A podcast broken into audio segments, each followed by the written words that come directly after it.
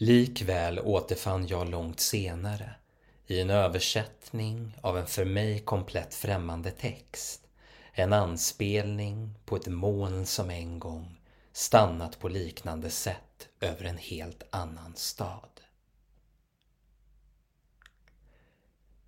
Att dikta är att få världens väsen att osynligt återuppstå inuti oss. För att tala med Rainer Maria Rilke. Das ihr Wesen in uns unsichtbar wieder aufersteht. Och visst går det att känna igen sig i formuleringen.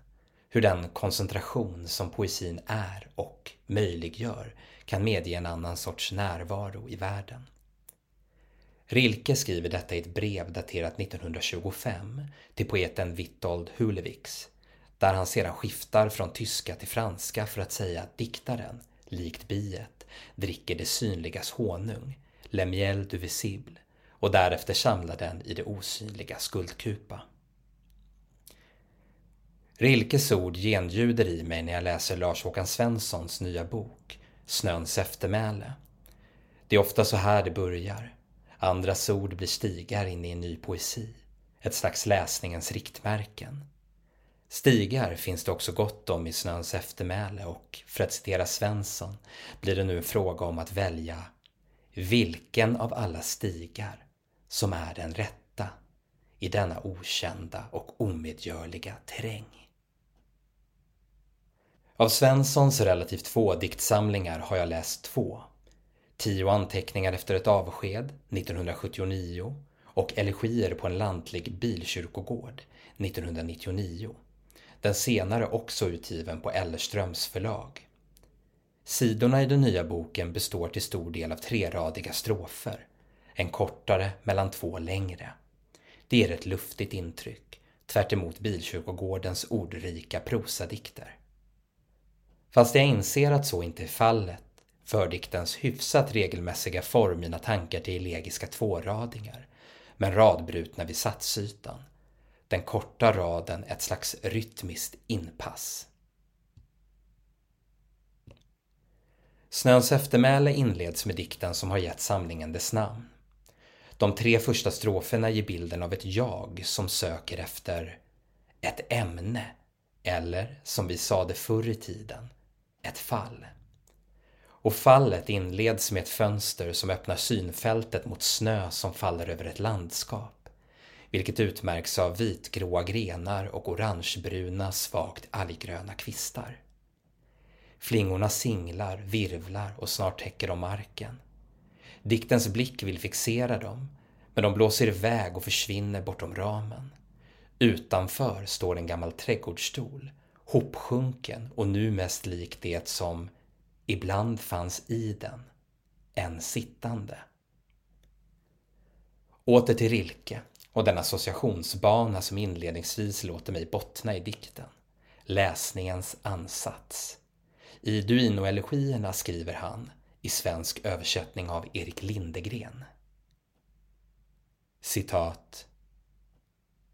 Månne vi vistas här för att säga hus, bro, brunn, port, krus, fruktträd, fönster, allra högst pelare, torn. Men säga, märk väl, och säga det så innerligt som tingen själva aldrig trodde sig vara. Slut citat ur nionde elegin.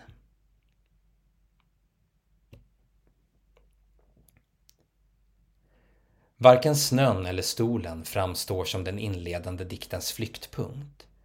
Den är istället belägen mellan bilderna i själva föreställningen om den synliga världen så som den genomförs av sinnet. Den gamla trädgårdsstolen förvandlas till något mer än sig själv. Det sker i samband med ytterligare växlingar i dikten, då perspektivet klär sig i andra pronomen och blir plural. Vi och oss. Citat. Men den sittande gestaltens blick riktas inte mot oss besökare utan följer intresserat något som tycks hända snett bakom oss. En osynlig scen vi inte kan ha någon uppfattning om. ett dolt motiv i motivet. Slut citat ur Snöns eftermäle. Blicken återgäldas inte. Liksom snöflingorna undandrar sig stolen allt bildblivande och den hopsjunkna gestalten ser istället på något annat. Ett osynligt bortom diktens synfält. Likväl skrivs allt ur diktjagets position, vilket understryks när perspektivet strax innan de tre sista stroferna än en gång blir jag. Som för att säga att det som nu skrivs här är min plats, med utblickens alla möjligheter och begränsningar. Tematiken varieras i flera av samlingens andra dikter, till exempel i Nicolas de Stahl, Båtar, där den virvlande och svårfixerade snö som inledde fallet får en motbild i tavlans blå pigment. Citat. Att få sjunka in i denna enkla men märkligt energiska bild, i dess explosion av orörliga pigment som rör sig bara när man blundar. Allt är målat som en upplöst himmelsblå dyning. En våt scen med kulisser av orörlig ånga i vars ljusa utkant två fåglar för alltid svävar. Slut citat. Från början till slut är Svensson frikostig med färgbeteckningar. Nyanser tonar över i varandra parallellt med andra förändringar. Som när det sena eftermiddagsljuset som förtätas, drar ihop sig, blir svagt blågrå rosa och nu, alldeles innan det dör ut, tycks långt starkare än bara för en minut sedan. Idén om bildkonstens och poesins förbindelser med synliga och osynliga fenomen aktualiseras. Diktens oförmåga att gestalta färg utan referent, men också dess oöverträffade potential för att synliggöra inre skeenden. Det är en djup fascination för dessa möjligheter och begränsningar jag finner i Svenssons diktning. Och inte utan viss resignation inför varats betingelser. Här adresseras en sorts mittemellanskap, ett fenomen som kanske kan kallas översättning. Citat. Att skriva är att översätta. Orden jag nyss skrev ner handlar till slut om mig själv fast de från början är skrivna av någon annan och handlar om någon annan i vilken jag känt igen mig, i vars situation jag känt igen mig, i vars ord jag känt igen mig. Ord som jag sedan har skrivit ner igen översatt. Slut citat ur Nyckelpassage. Svenssons poetiska produktion må vara blygsam, men listan över författare han har översatt är diger, med namn som Anne Carson, Sappho och Catherine Mansfield. Att associera just översättning med vad som äger rum vid självets osynliga rand ställer bokens många intertextuella föreningar i ett intimare ljus. Om skrivande är översättning följer att läsning är detsamma. Estetiska attityder formas i kollisioner mellan språk, fenomen och inre. I och genom ett annat stöps ett jag. En starkare känsla av samhörighet uppstår när jag upptäcker min och Svenssons delade fascination för Erik Lindegren, som återkommande parafraseras och citeras i Snöns eftermäle. Ännu ett riktmärke och bokens sidor träder nu fram som en sorts palimpsest.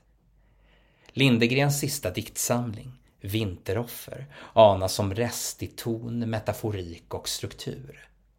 Också där finns snö, musik och avsked, dröm, synligt och osynligt. Till exempel i dikten Till en förlorad sommar. Citat Endast i sömnen skedde uppvaknandet och snön som föll osynligt hela dagen var som ett avsked till något för länge sedan förlorat. Allt som älskades var frånvarande, men som hos en gud var all frånvaro kärlek. Slut citat. En känsla som, må hända svagt, sköns i dikten Snöns eftermäle. Citat. Jag fortsätter sorgset upprymd i denna värld, som är allt som är fallet. Men det är detta ljus som lyser upp ögonblickens intima galor, alltså det som en gång ska bli snöns eftermäle. Slut citat. Dikten. En sorts påminnelse om formativa läsupplevelser. Läsningen känns nu också mer akut, avhängig de många öppningar som poesins inbördes korrespondenser skapar. Lindegrens stämma märks allra mest i dikten Enkel resa, där jagets far berättar om ett möte med honom. Detta barndomsminne varvas med citeringar ur en Lindegrensk språkvärld. Citat. Över citadellet ett plötsligt stjärnetumult och vid aftonens och brisens sista darrning en föraning om en sällsam median tudelthet. Nere vid strandpromenaden en genomskinlig morgondröm och medan horisonten sakta ljusnar skeppsbrottets ursprungsmöte med dödens syrseskri. Slut citat. I Svenssons penna ryms minnen av förflutet och förlust. Men diktningen rör sig inte enbart i minnes och klagosångernas register. Snöns eftermäle är lika fullt en lovsång till läsning och skrift de ringlande stigar in och ut ur sinnet där fenomen stöts och blöts och nya världar kan uppenbara sig i och genom språket. Interfolierade fragment ur Lindegrens poesi och översättargärning hjälper till att gestalta en fantasi om hur barndomens platser hade kunnat anlända vid och återuppstå utifrån en annans horisont. Tillvägagångssättet hade mycket väl kunnat bli en härva, men förgreningarna framstår mer och mer som skickligt sammanlänkade, utan att för den sakens skull överväldiga min läsning. Andra exempel är en tolkning av en sonett signerad Michael Drayton och ett eko av Sapfos fragment 168b som skymtar förbi i dikten En kväll, sista strofen. Citat jag sätter mig ner och börjar läsa. Efter en stund känner jag mig iakttagen av en blick som, inser jag, aldrig riktigt har lämnat mig. Den betraktar mig nu från ett ofantligt avstånd, från en annan värld och ett annat liv. Ett liv jag kunde ha levt. Väggarna förintas. Plejaderna blir synliga där uppe. Månen glider fram ur en molngardin och släcker dem, en efter en. Vår mötestimma är förliden. Slut citat. Clio i badet. Så heter Lindegrens parafras på fragment 168b i Vinteroffer. Alla stigar leder just nu tillbaka till honom.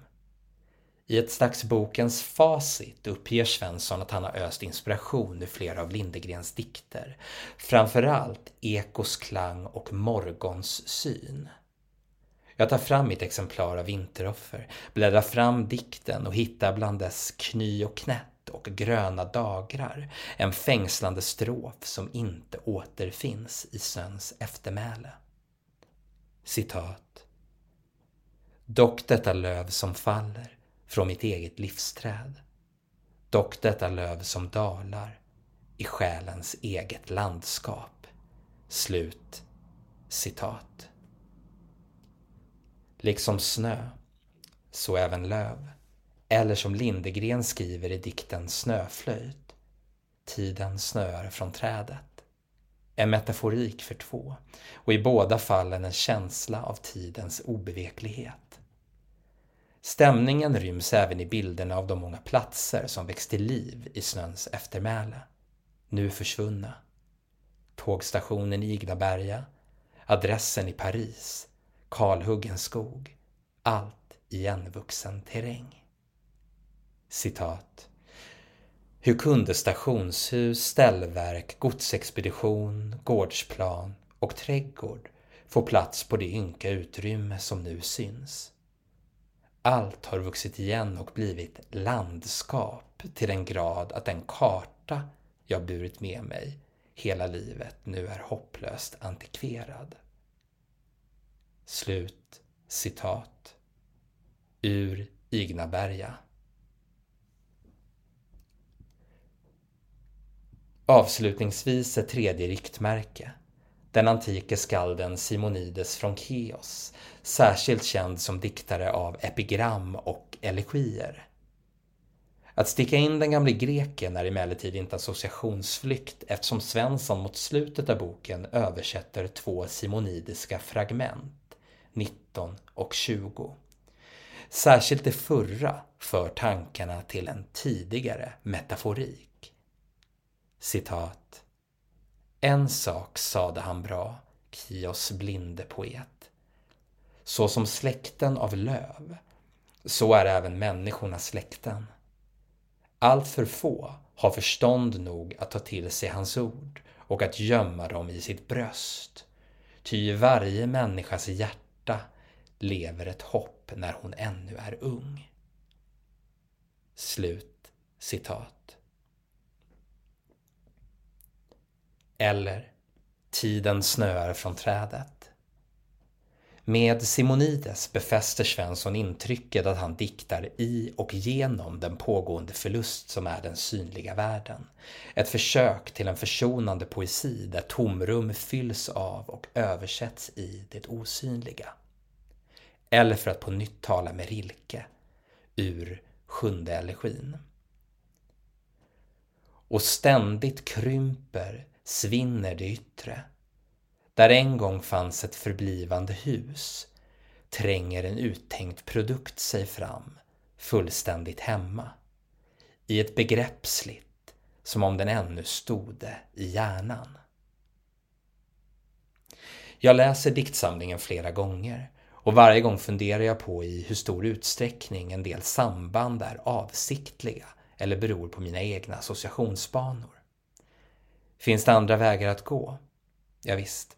Att dikten visar och leder in en läsare på olika stigar, stundtals bortom författarens intention, är trots allt det fina med poesi.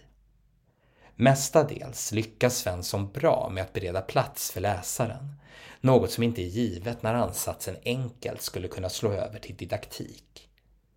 Mina invändningar är också få. Endast två längre dikter mot bokens slut utvecklas väl mycket mot anekdot och sluter sig därför en aning som poesi. Det förekommer även ett par kursiveringar som, kanske mer än nödvändigt, insisterar på diktens tolkning. Risken är då att man genom att rikta uppmärksamhet mot det avsedda låser såväl dikt som läsning med intention.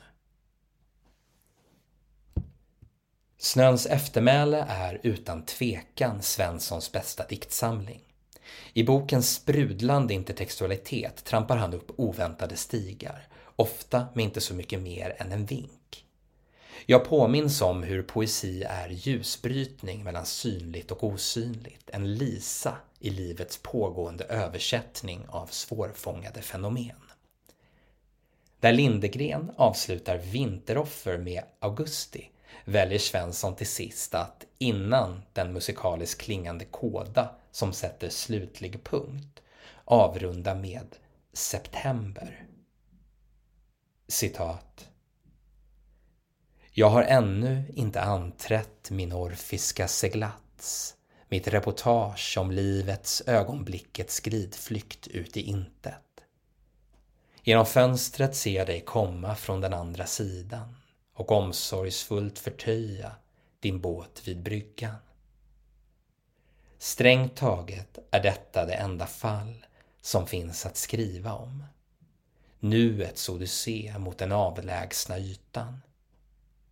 Nu ser jag skrovet av min dikt uppenbaras av det bländande septemberljuset. Slut citat. Den här recensionen är originalpublicerad på www.ornenochkrakan.se under ansvarigt utgivarskap.